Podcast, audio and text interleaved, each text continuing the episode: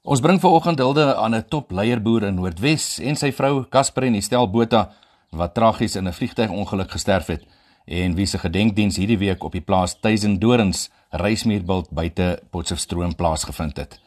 Casper is beskryf as 'n man met 'n onwrikbare geloof in God wat sy plek volgestaan het in die gemeenskap en 'n leiersrol op verskeie platforms van georganiseerde landbou vervul het. Casper en Estel sal veral onthou word as uitstekende besigheidsmense met uitsonderlike visie en strategieë vir die toekoms in die landboubedryf as ook die implementering van innoverende tegnieke en metodes. Hulle boerdery Castello het werk geskep vir honderde werkers, personeel en ook hulle gesinne. Die ontwikkeling en die groei van hulle plaaswerkers was ook 'n groot prioriteit.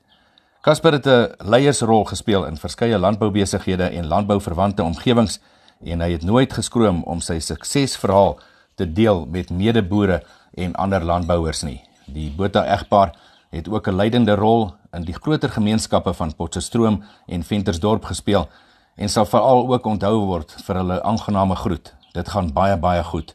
Aan God al die eer en rentmeesterskap, alles is net genade.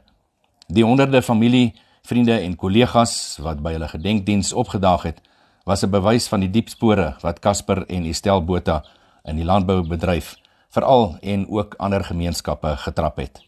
Namens die OFM se agrispan, ons medelee met die drie Botha seuns, Jacques, Philip en Reinhard en die familie en vriende.